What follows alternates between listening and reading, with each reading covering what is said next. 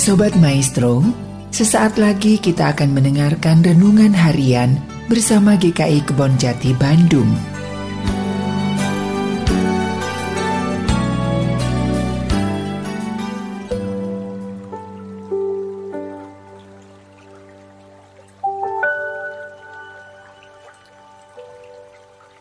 Shalom, Bapak Ibu saudara-saudara yang dikasihi Tuhan Yesus Kristus.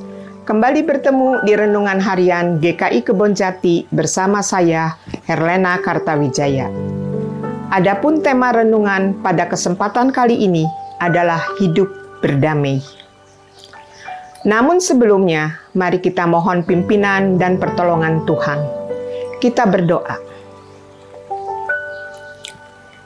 Ya Allah yang Maha Kudus, Allah sumber segala hikmat, limpahilah hati dan pikiran kami dengan hikmat dan kebijaksanaan-Mu, agar melalui perenungan ini kami boleh menerima kehendak Tuhan.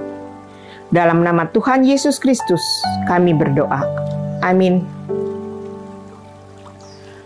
Bagian Alkitab yang akan kita baca diambil dari 1 Petrus 3 ayat 8 sampai 12. Dan pada akhirnya, hendaklah kamu semua seia sekata, seperasaan, mengasihi saudara-saudara, penyayang dan rendah hati.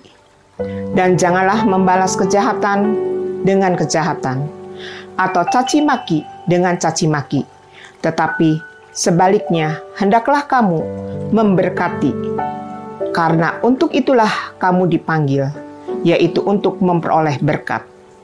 Sebab Siapa yang mau mencintai hidup dan mau melihat hari-hari baik, ia harus menjaga lidahnya terhadap yang jahat dan bibirnya terhadap ucapan-ucapan yang menipu. Ia harus menjauhi yang jahat dan melakukan yang baik. Ia harus mencari pendamaian dan berusaha mendapatkannya.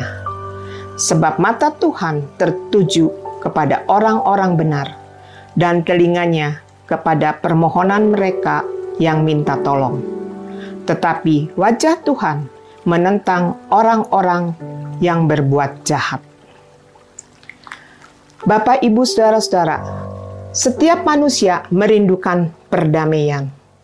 Semua agama mengajarkan bagaimana hidup damai dengan sesama dan seluruh ciptaannya. Melalui perikop bacaan di atas, juga kita diingatkan bagaimana sifat dan sikap hidup orang Kristen dalam relasi dengan sesamanya, yaitu kasih dan damai. Kasih dan damai tidak dapat terjadi dengan sendirinya. Semua butuh usaha dan kerja keras. Berdasarkan 1 Petrus 3 ayat 8 sampai 12 setidaknya ada dua hal yang kita renungkan. Yang pertama, kasih. Kasih adalah dasar dari kehidupan dan kepercayaan orang Kristen.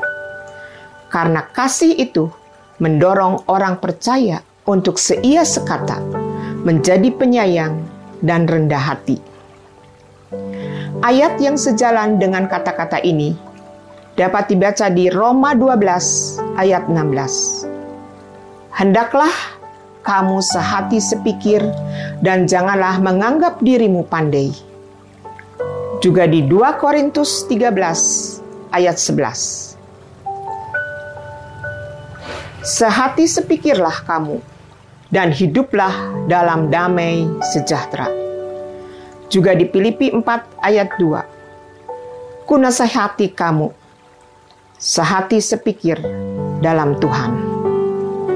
Untuk terciptanya seia sekata, sehati sepikir, seperasaan, tidak cukup hanya persetujuan manusia, tetapi persetujuan yang dicapai harus berdasarkan kebenaran Allah, sehingga tercipta sukacita. Seperti ada tertulis di Mazmur 133 ayat 1. Sungguh, alangkah baiknya dan indahnya apabila saudara-saudara diam bersama dengan rukun. Yang kedua, Janganlah membalas kejahatan. Tuhan tidak menghendaki adanya balas dendam. Kita diajarkan untuk tidak melakukan hal-hal yang negatif, tetapi kita diharuskan melakukan sesuatu yang positif. Banyak ayat di Alkitab yang sejalan dengan kata-kata tersebut. Di antaranya Roma 12 ayat 17. Janganlah membalas kejahatan dengan kejahatan. Lakukanlah yang baik bagi semua orang. Dan di 1 Tesalonika 5 ayat 15. Janganlah ada orang yang membalas jahat dengan jahat. Juga di Lukas 6 ayat 27 Kasihilah musuhmu, berbuatlah baik kepada orang-orang yang membenci kamu. Berdoalah bagi orang yang mencaci kamu. Jadi, kita perlu membuang kejahatan dalam kata-kata dan tindakan, melakukan apa yang baik, berusaha untuk menegakkan dan memelihara hubungan yang damai dengan sesama. Karena itulah cara untuk menikmati kehidupan yang sejati.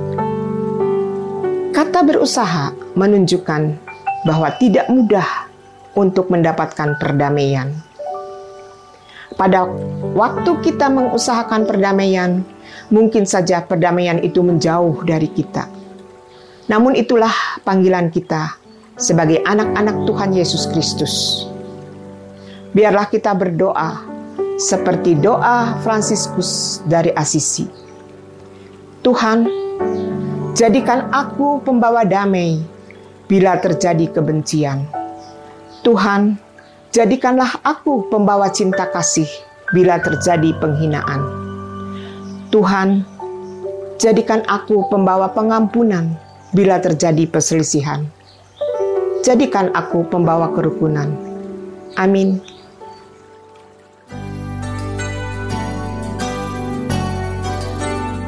Sobat Maestro, baru saja Anda mendengarkan renungan harian bersama GKI Kebon Jati Bandung. Tuhan Yesus memberkati.